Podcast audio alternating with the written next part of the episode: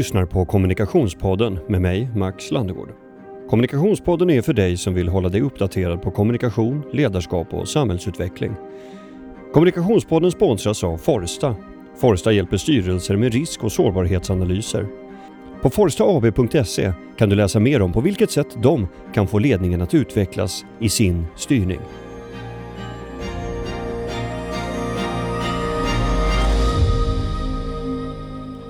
Hur går det för Svenska kyrkan som varumärke? Är guden USP i deras kommunikation och hur ska kyrkan konkurrera om människors uppmärksamhet när medlemstal sjunker och många ser sig som sekulariserade? Har vi blivit rädda för de stora orden?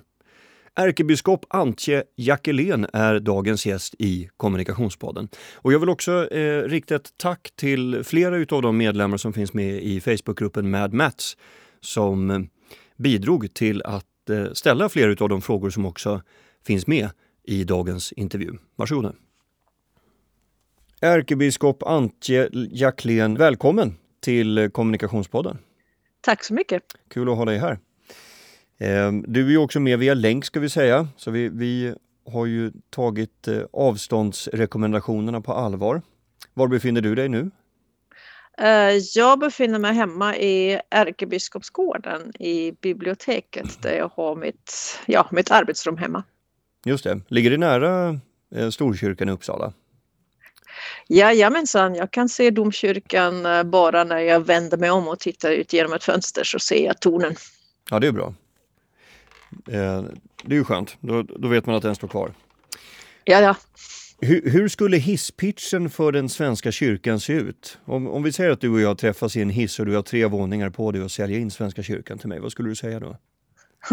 Ja, vi har ju inte en varumärkesstrategi som vanliga företag har, men jag skulle kanske säga så här. Världens äldsta oavbrutet verksamma rörelse och organisation. 2000 års historia och ett perspektiv som sträcker sig ända till evigheten. Ja, Wow, det hann du med på en våning.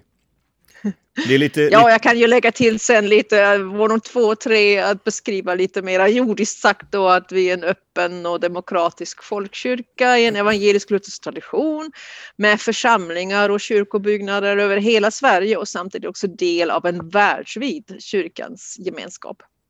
Men det är mycket history marketing tycker jag det låter som. History? History ja, marketing. Men... Mm.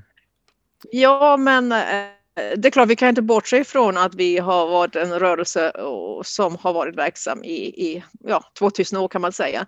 Med former som förändras, med innehåll som blir detsamma. Men eh, vi är ju en rörelse som är väldigt framtidsinriktad också. Jag menar, det handlar ju väldigt mycket om, om ett hopp som bär i liv och död och där, där vi sträcker oss ända fram till evigheten.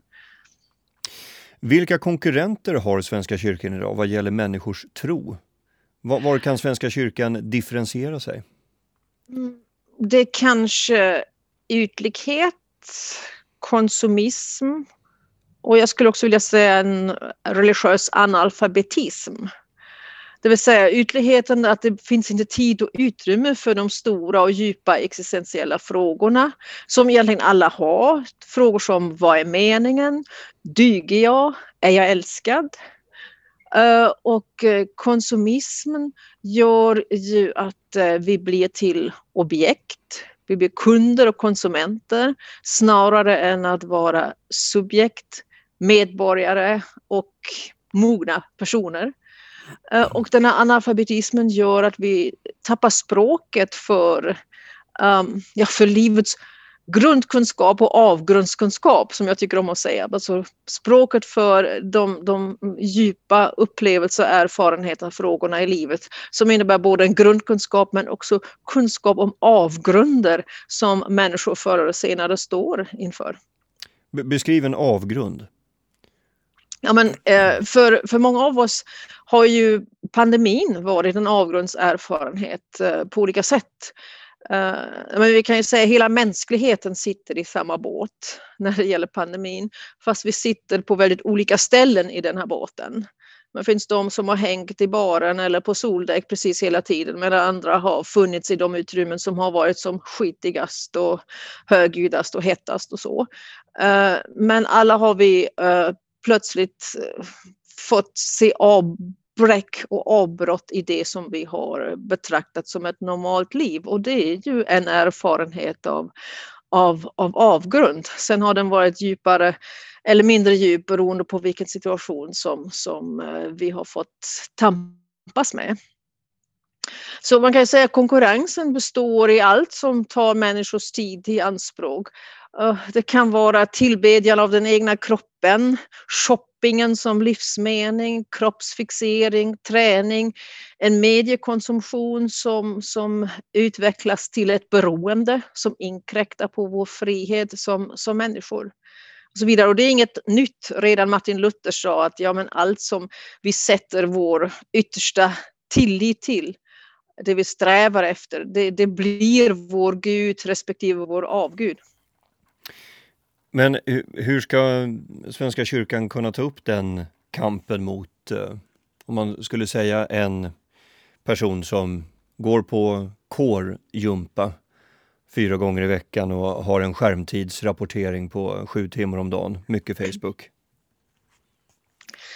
Um, ja, vi tror ju på det ganska mycket mötet i vanliga fall det personliga mötet, nu ofta det personliga mötet eh, förmedlat genom en skärm emellan. Um, och att, att uh, hjälpa varje människa att just möta djupen inom sig själv, inom existensen och se att vi egentligen uh, alla lever med tro och i tro på något sätt. Men vi har lärt att säga, nej men jag är inte troende, jag är inte religiös. Men, det hör jag ganska ofta att människor mm. säger. Hur, hur, har det, förlåt om jag bara bryter in där, alltså, hur kommer det sig att det har blivit så? Ja, jag är um, inte troende, för det är ju verkligen comme få att folk uh, säger så. Ja, och ibland så känner jag, men, men skippa det där, jag är inte troende, men låt oss börja efter männet och sen kan vi ha ett väldigt bra samtal där vi kan se att vi har erfarenheter, också erfarenheter av det heliga eller av det transcendenta eller vad vi nu kallar det, som vi kan dela med varandra. Många ser nog varumärket Svenska kyrkan som något som står för kontinuitet, tradition, du har själv varit inne på det. Man går dit för att döpa barn, vigas, begravas. Samtidigt verkar Svenska kyrkan ha ambitioner av att vara ska man säga, radikalt kärleksfull, mer på den moderna sidan än den traditionella. Hur, hur balanserar ni det här? Kan det inte bli mm. spretigt? Mm. Ja, Jesus var ju radikalt kärleksfull. Så eh, ja, han var ju också spretig på något sätt och ändå väldigt sammanhållet. Jag skulle tro att eh, mångsidigt, om jag blir lite personlig här, att eh, något som drog mig till teologin Eh, och till prästyrket det är just den här mångsidigheten. Alltså teologi griper över så många olika områden och discipliner. Det är texttolkning, litteratur, det är filosofi, etik, historia, språk, psykologi, pedagogik, sociologi, you name it. Uh, så prästyrket omfattar kontakter med alla åldrar, alla livsskiften, det är nöd och lust, det är liv och död, det är det djupt personliga men också det offentliga, det politiska. Så det är mångsidighet snarare än spretighet skulle jag vilja säga. Om tro är något privat, får man ha vilka tolkningar som helst av Bibeln och tro så länge det inte stör andra? Jag tänker, hur, hur, långt går religionsfrihet i Svenska kyrkan?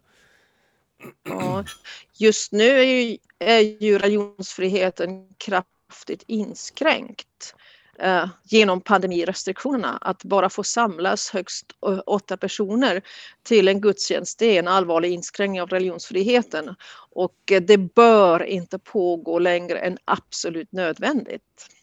Men bortsett från det så skulle jag säga att tro inte är privat. Det sägs ofta det, det är privat. Jag skulle vilja säga att tro är personlig. Och eh, personlig är sånt som uh, ligger mig väldigt nära men samtidigt är det något som kan delas också med en människa som jag inte känner särskilt mycket på ett sätt som berikar oss båda. Och det gäller ju inte det privata för det håller man för sig själv. Så tron är personlig, kan delas på ett sätt som, som berikar. Uh, och har också offentliga konsekvenser. För det, det jag håller heligt måste naturligtvis få konsekvenser också för hur jag beter mig i det, i det offentliga rummet. Um, sen naturligtvis ryms ju inte var som helst inom kristen tro. Um, jag vet inte om vi hinner med det, men det finns en, en, en bön som jag tycker beskriver det här väldigt fint. Jag mm. ska läsa upp den. Ja, gör det. Ja. Kör hårt. Den går, och Gud gör dörren till detta hus vid nog att ta emot alla som längtar efter kärlek och gemenskap. Trång nog att utestänga all avund, högfärd och trätlystnad. Gör dess tröskel så slät att den inte blir en stötesten för barn eller vilsna fötter, men så hög och stark att den tvingar frestarens makt tillbaka. Gud, låt dörren till detta hus bli en port till ditt eviga rike. Jag tänker att de här orden ger lite grann ett uttryck för hur, hur rymden ska vara, hur friheten i tron eh, och i kyrkan ska se ut. Mm. Stora ord också. Kan, ja. kan, kan, kan, det vara att eh, bibelorden är ju ofta väldigt eh, storvulna, de är, eh, vad ska man säga, de, de är väldigt starka. Ehm, och ehm, kan, kan det vara så att människor ehm, blir lite återhållsamma utav det? Att man, att man mer tycker att man kanske lever sitt liv lite mer implicit? Mm. Men man kanske kan känna sig lite liten inför de här orden, är det det du ja, säger? Ja, men jag tänker till exempel, jag, jag, jag läste en av de stoiska filosoferna, eh, Epiktetos eh, böcker och det, det är egentligen en brevkonversation mellan honom och en vän som han har, eh, som är flera tusen år gammal. Och eh, det är också väldigt stor, stora ord, så ibland så kan det vara nästan svårt att ta till sig. Jag, jag vet inte vad jag mm. skulle ha gjort om jag hade fått ett sånt brev. Ja. När han pratar om vänskap och moral och liksom. Ja. Men jag tror att de är viktiga de här stora orden. Uh, och visst eh, kan vi känna oss lite eh, små inför dem. Men jag tänker många gånger de gör att vi känner oss små på ett ganska storslaget sätt. Och det gör att vi växer i mötet med de här orden. Så tappar vi dem så, så, så förlorar vi något viktigt. Och med en dragkamp som vi också känner i kyrkan. Å ena sidan kan de stora orden ju väcka, väcka främlingskap att, och avstånd. Eh, men samtidigt om vi inte använder dem, ja men då blir det ju också platt. Då tappar vi den här dimensionen av att få växa och känna oss små på det där storslagna sättet som gör att vi faktiskt eh, mognar och lyfts upp också. Sen kan man säga också i Bibeln finns det också ganska vardagliga ord. Jag har tänkt på det nu här under pandemin. Det finns i, i, i den delen av Bibeln som heter Saltaren som är en bönbok. Där finns det formuleringar som när livet är snyggt och städat så vill man helst inte läsa dem för de är så fyllda av vrede, av hämndlyst, av aggression, av missnöje och så. Men just i en sån här situation så tänker man, ja men tack gode Gud för att de orden också finns, för de får rymmas också Eh, i, i vår bön, i vår gudsrelation. Eh, så att det, det är ganska bra att inse att i vissa tider så bara går vi förbi de här orden. De säger oss inte så mycket eller vi klarar dem inte men i andra tider så kan de plötsligt bli fyllda av mening och innehåll för oss. Mm. Varför tror folk eh, mindre i Sverige för varje år? Egentligen vet vi ju strängt taget inte om det är sant. Eh, de här frågorna, tror du på Gud? Vad visar de egentligen? För det finns ju, vi var inne på det redan innan, det finns ju många människor som, som säger um, ja men jag tror kanske inte på Gud uh, men, men jag tror på något som är större än mig själv. Och om, om man då frågar ja, vilken Gud är det du inte tror på? Och då är det ibland en Gud, Gud en gudsbild som jag skulle säga, nej men så tror inte jag heller på Gud. Så de här instrumenten, tror du eller tror du inte, är rätt så trubbiga. Um, jag tror att, att längtan, och, och längtan efter det här djupet, det finns ju där men i mångt och mycket så har vi tappat språket för det. Och vi har ju ja, den här sekulära normen som vi talade om tidigare också. Jag är inte troende men, måste man säga. Uh, men fortfarande gör ju människor faktiskt erfarenheter uh, med Gud, med det heliga. Fast de säger det kanske att ja, men det här hände för mig i skogen. Mm. Till exempel. Och vi har också, vi vet av forskningen att, uh, att här är faktiskt undervisningen, religionskunskapsundervisningen i skolan, så, så viktig den är, men ändå en liten bov i den bemärkelsen att religion där ofta framställs som något som är omodernt, irrationellt, främmande. Man lyfter fram så att säga, det konstiga med tron så att den genomsnittliga eleven går därifrån med känslan ja men tron är alltid de andra. Det är inte mm. vi. Och det är, det är ju inte bra för vår andliga utveckling som människor. Det vore bättre om vi sa, men alla har vi någon koppling någonstans. Det ska se väldigt olika ut, men det kan också vara så att vi medvetet tagit avstånd från all religionsutövning. Men det är också en tro på något sätt. Så låt oss prata om det. Det är inte detsamma som att bli pådyvlad eller vara konfessionell, men det ger en annan utgångspunkt än det här man säger det är konstigt, det är främmande, det är irrationellt, det är omodernt. Det, det leder mig ju osökt vidare till nästa fråga Ang, angående just det. det leder mig vidare till nästa fråga angående just eh, huruvida man ska vara implicit, explicit, eh, mer, eh, eh, ska man säga, tvivlare eller så. Är Gud en USP i er kommunikation? Eller snarare något som ni försöker att inte nämna i bredare kommunikation? Ja, en väldigt spännande fråga.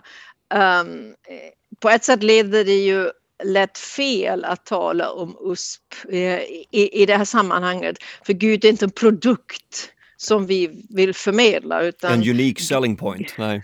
ja, Gud är den grund allting vilar på tillvarons grund och då, då känns det här med marknadsföring inte den rätta genren. Uh, när det är ändå så att i Gud lever och rör vi oss och är till och alla beroende av. Kanske den unika kärnan, unika selling point då snarare Jesus, alltså berättelsen om Jesu liv, död och uppståndelse. Um, och vi har ju för all del just fått en ny barnbibel också, barnens bästa bibel som med bilder och text um, berättar den här storyn om man säger så. Um, för, för barn men också egentligen för, för vuxna. Um, men då, det är återigen det här, hur gör vi när det finns ett tappat språk, det finns, det finns alltid fördomar. Så här, hur använder vi ett språk så att det öppnar dörrar snarare än stänger dörrar? Eh, och då balanserar vi mellan att vara explicit men kanske tala över huvudet eller att försöka vara så försiktig som möjligt så att vi missar poängen på det viset också. Så det är där vi behöver balansera och hitta både tydlighet eh, men en tydlighet som också öppnar och inte stänger. Kan vägen till att stärka varumärket Svenska kyrkan och trygga medlemstal kräva en nedtoning av, av tron? Och då är frågan, om det är svaret, vad blir man då egentligen? Hur långt kan man gå för att behålla en, en sekulariserad målgrupp? Ja, och det är ju viktigt att, att, säga att det finns många anledningar varför människor är medlemmar i Svenska kyrkan. Huvudanledningen är naturligtvis tron och på trons väg kan man ha kommit väldigt olika långt och det är, det är okej. Okay. Um, men det finns också människor som, som säger jag är med i Svenska kyrkan därför att jag vill stödja kulturarvet, jag vill stödja det diakonala arbetet, sociala arbetet som Svenska kyrkan gör, det internationella arbetet och så vidare. Och man brukar säga att det är alltid viktigt att tala med de lärde på det lärdes vis och med bönder på bönders vis. Eh, och det ligger någon vishet i det om man bara är medveten om att man aldrig ska underskatta sin samtalspartner och inte heller låsa fast någon i mer eller mindre påhittade fack. Ehm, så jag tänker en anknytningspunkt är också faktiskt det här att många människor firar ju de kristna högtider också många av dem där som skulle säga jag är ju inte religiös men och ändå sätter man sin adventsljusstake i fönstret och eh, hänger upp den där adventsstjärnan. Så tro är ju inte bara det som man formulerar med munnen eller som man tänker i hjärnan, det är också det man gör med sina händer. Mm. Ritualer uh, menar du eller? Ja, och det kommunicerar ju någonting. Uh, varför hänger man upp den där stjärnan som är en påminnelse av Betlehems stjärna? Varför vårdar man det här? Varför ger vi eh, ger så många barn namn som kommer ur den kristna traditionen. Så jag tänker att tron sitter också i oss på, på det viset och det glömmer vi ibland. Eller den här relationen som vi har till kyrkobyggnaderna, eh, till musiken eh, och så vidare. Mm. Hur, hur, kan Svenska kyrkan hitta en ny plats för inspiration i samhället om du skulle anse att, att sådant behövs? Alltså, om eh, man skulle jämföra med hinduistisk eller buddhistisk tro som återspeglas i yoga, mindfulness och allmän well-being? Mm. Um, ja, ibland är vi lite hemmablinda för den stora folkrörelse som kyrkan ändå har varit och fortfarande är. Um, men en lokal fotbollsmatch strax under elitnivå kan generera fler nyhetsartiklar trots att den bara lockar en bråkdel av det antalet som besökte den intilliggande kyrkan. Uh, sen är så, ibland känner vi liksom att gräset är grönare på andra sidan. Tänker när det gäller mindfulness, well-being. Många av de här praktiker är ju också del av den kristna traditionen. Och vi ser att eh, pilgrimsvandringar och eh, retriter har ju vuxit också ganska mycket eh, inom vår kyrka. Så ibland letar man långt borta det som egentligen också finns i den egna traditionen. Mm. Det, är väl, det är väl ganska mänskligt det. Men, menade du, bara så att jag förstår, menade du att well-being också är besläktat med att man, har hela tiden, att, det, att man hela tiden vill att det ska bli bättre. Alltså att gräset är grönare på andra sidan, att det, det, det ligger ja, i... Ja, well-being, att, att vi att det är lättare på något sätt att ta till sig yoga och, och mindfulness uh, och, och, och, sånt när det kommer från andra traditioner än att gräva i den egna traditionen som ju för många i vårt sammanhang då är den kristna traditionen. Um, jag menar, det, det, går ju så långt att eh, det uh, fanns ju ett fall för några år sedan att uh, man i, i, en skola uh, hade meditation med, med, med, mantra och så och sa ja men det här är för well-being, det är inte, det är inte på något vis uh, religiöst eller konfessionellt. Men hade man tagit samma, liksom hade man sagt och vi, vi ber vår fader tillsammans, då hade naturligtvis alla skrivit sagt det är ju ett konfessionellt inslag. Då hade ingen godkänt att, att men det här har med, med, med well-being att göra. Eh, så att eh, vi är ibland lite blinda där att vi, vi säger att ja, men det som är på andra sidan är så mycket bättre eller annorlunda än vad som är i vår egen tradition. Mm. Ehm, tycker du att verser, budord, böner kan jämföras med andra varumärkens värderingar, alltså taglines, reklamjinglar? Ja, det finns ju både verser och böner och eh, för den delen psalmmelodier eh, och psalmord som har lätt för att fastna och som är oerhört välformulerade, precis som en, som en slogan och eh, en jingle om man säger så. Eh, sen kan man ju å andra sidan säga att eh, till skillnad mot reklam, reklamjinglar så har våra böner och verser ofta visat sig slitstarka och bärkraftiga över, över sekler. Mm. Um, de tål att och leva och dö med också. Uh, det är ju mer än vad man kan säga om färdigskivat bröd och galgar, så är det ju. Ja, ja, precis. Man kan snarare dra parallellen till, till konst och litteratur som ju också har en väldigt stor livslängd. Du citerade brevväxeln Epiktets då tidigare som, som har också seklar uh, på nacken. Förut, uh, jag tänkte prata lite grann om, eller ställa ett par frågor om uh, Svenska kyrkans kommunikation och era kampanjer. Förut så kom kampanjer och sånt från nationell nivå, alltså från kyrkokansliet i Uppsala, som församlingar ute i landet skulle haka på. Och nu så har jag förstått att merparten av kommunikationsarbetet ska ske ute i sista ledet, så att säga, väldigt lokalt. Vilka svagheter och styrkor tycker du det kan finnas med ett sånt förhållningssätt? Mm. Ja, Svenska kyrkan är ju ingen koncern. Vi har, eh, det viktigaste hos oss är ju församlingarna, det lokala, det som sker det, där. Samtidigt har vi också en regional organisation, det är stiften, då har vi 13 i, i Svenska kyrkan och så har vi en nationell nivå som ska stödja och hålla samman. Uh, och det finns både styrkor och svagheter med en sån decentraliserad organisation som vi egentligen har, för församlingarna har ganska mycket självständighet. Uh, så av den anledningen är det också svårt att göra uh, så att säga, tvingande kampanjer, eller det är omöjligt att göra tvingande kampanjer från nationell nivå. Utan det är stödjande och inspirerande saker som vi kan göra men det måste vara ett, ett tagande och givande.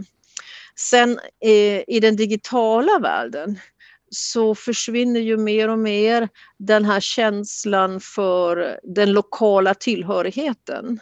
Vi har märkt det nu under pandemin där väldigt många församlingar eh, sänder digitala gudstjänster och då väljer ju människor inte alltid den kyrka som, som är deras församlingskyrka utan man kan ju välja vad man vill. Eh, och det är rätt så och så är det ju också med jourhavande präst. Eh, man ringer till en präst oavsett varifrån man ringer och så. Eh, och det kommer vara intressant att se hur vårt behov å ena sidan av att leva det här gränsöverskridande digitala och samtidigt vårt behov av att vara rotad i någon lokal mylla, hur det kommer utvecklas i det långa loppet. Och jag tänker att det är inte unikt för kyrkan utan det är unikt för vår livskänsla överhuvudtaget. Vad, vad händer med vår känsla av hemma? Eh, i en digitaliserad värld. Jag tror vi, vi kommer uppleva mer och både och. Vi njuter av det gränslösa. Men vi kommer också att ha ett förstärkt behov av att känna liksom, boots on the ground. Att, att vara, vara rotad i någon, någon mylla. Mm. Bolaget jag jobbar för, Storstad, vi gjorde en eh, sändning eh, under påskhelgen åt Svenska kyrkan i Haninge. Och då, då var ju kyrkan eh, helt tom på, på publik eller vad man säger, besökare. Men vi, det var en kyrkokonsert så det var musiker, sångare och eh, en präst. Så att eh, det, det verkade ju funka. Omställningen gick ju ganska snabbt faktiskt för Svenska kyrkan under påsken det gick väldigt snabbt och eh, jag är imponerad över hur församlingarna har varit kreativa också eh, i sitt diakonala arbete. Allt från att leverera mat och medicin till de som inte kunde handla själva till att eh, ja, sjunga utanför äldreboenden eller lämna andakter på USB-stickor så att man kan använda dem där inne när, när det finns behov och önskan och så vidare. Uh, och drive-in gudstjänster och uh, ja, allt möjligt. Det mm. fanns en uppfinningsrikedom. Men nu är utmaningen att, att hålla ut i det också. Mm. Jag, jag är lite nyfiken på, på ditt ämbete, ärkebiskopsämbetet. Alltså, hur, hur ser en vanlig vecka ut för en ärkebiskop? ja, eh, det är väldigt olika eh, faktiskt och vilket är um, också av tjusningarna med det hela samtidigt som det kan vara väldigt slitsamt. Uh, nu har den ju också påverkats väldigt mycket av pandemin. I vanliga fall så har det varit en hel del resande och internationellt. Uh, allt detta sker ju nu uh, digitalt så det är väldigt mycket mer hemma. Men veckor kan vara allt från att Ja, det kan vara långa sammanträden men det kan också vara samtal både i, i liten grupp. Det kan vara eh, större framträdanden. Det är en regelbunden rytm av gudstjänster också. Ehm, det är möten både säg, inomkyrkliga men också ganska mycket just eh, samhällskontakter. Hur har du påverkats av pandemin? Um, ja, som, som sagt, det är eh, färre resor. När det, när det började så var det ju väldigt mycket som plötsligt blev inställd. Uh, så var det väldigt mycket luckor i, i, i almanackan som väldigt snabbt fylldes av andra möten som delvis var påkallade av pandemin såklart. Uh, men också, ja det fylldes på. Men sen fick jag under våren lite mera tid att skriva så jag skrev en, en uh, liten bok som heter Otålig i hoppet, teologiska frågor i pandemins skugga. Mm, just det, den, här... den, kom ju ut uh, samma år som du skrev den va? Du har inte legat på I... latsidan? Nej, den kom ut faktiskt med många människors goda medarbete så, så kom den ut uh, före midsommar. Mm. Ja, snabbt marscherat. Jag, jag, tänkte att den här pandemin väcker ju sådana frågor också som behöver liksom behandlas. Hur, hur, ser ditt fokus ut nu? Vad, vad är viktigast i din gärning som är, ärkebiskop just nu skulle du säga? Och ett år framåt eller välj själv tidshorisont. Um, Ja, det är ju att egentligen hålla i de här frågorna som, som har varit viktiga hela tiden. Dels sköta det, det vardagliga, eh, men också det som har varit viktigt för mig att, att uh, utveckla lärande och undervisning i Svenska kyrkan. Uh, för ja, också mot bakgrund av det vi talade om nyss att språket fattas, kunskapsnivån har sjunkit. Eh, så eh, tänker jag det är viktigt att vi får ett mera sammanhållet systematiskt tänk kring lärande och undervisning. Så det tycker jag är väldigt viktigt. En annan viktig fråga att driva det är barns rätt till andlig utveckling. Um, vi har ju fått i första januari i år så blev barnkonventionen svensk lag. Och barnkonventionen talar om att barn har rätt till den levnadsstandard som de behöver för sin fysiska, psykiska, andliga, sociala och moraliska utveckling. Eh, och vi tar självklart ett gemensamt ansvar för barns fysiska, psykiska och sociala utveckling genom ja, barnhälsovård, skola och så vidare. Det, det är en samhällsfråga. När det gäller det andliga, då är vi väldigt handfallna då, då blir den första reaktionen för nej, nej, men det är privat. Det får familjen sköta. Men eh, är inte det också någonting som vi behöver möjliggöra tillsammans? Jag tänker där behöver vi frå ställa frågor, framförallt också med bakgrund med att vi ser att barn och unga mår inte så bra som de egentligen borde göra i ett så bra samhälle som det svenska samhället ändå är. Det finns så mycket uh, psykisk ohälsa och hur hänger det ihop med det existentiella och andliga? Så det är en viktig fråga som, som jag tänker vi behöver ta i. Hur, hur kan Svenska kyrkan bidra till eh, barns andliga utveckling då, menar du? Ja, dels gör vi ju det genom den verksamhet som vi redan har i församlingarna uh, på olika sätt. Både från, från tidig ålder, eh, men också i barngrupper, barnkörer, um, konfirmand, undervisningen, eh, inte minst. Eh, vi vet att de ungdomar som, som konfirmeras i Svenska kyrkan, de har oftast en oerhört positiv syn på det de har varit med om under den här tiden. De säger att här har vi upplevt en gemenskap, här har vi blivit tagna på allvar, här har vi fått vara precis de vi är och, och här har vi fått prata om viktiga frågor. Um, så det finns ju redan. Uh, men det behövs tror jag också en, en, ett medvetandegörande i samhället som, i stort. Spännande. Jag önskar dig all lycka till med det fortsatta arbetet också. Och en god jul och ett gott nytt år till dig, ärkebiskop Antje Jackelén. Ehm. Tack så mycket och detsamma Max. Ja. Stort tack för att du ville delta i Kommunikationspodden. Ja, men tack själv.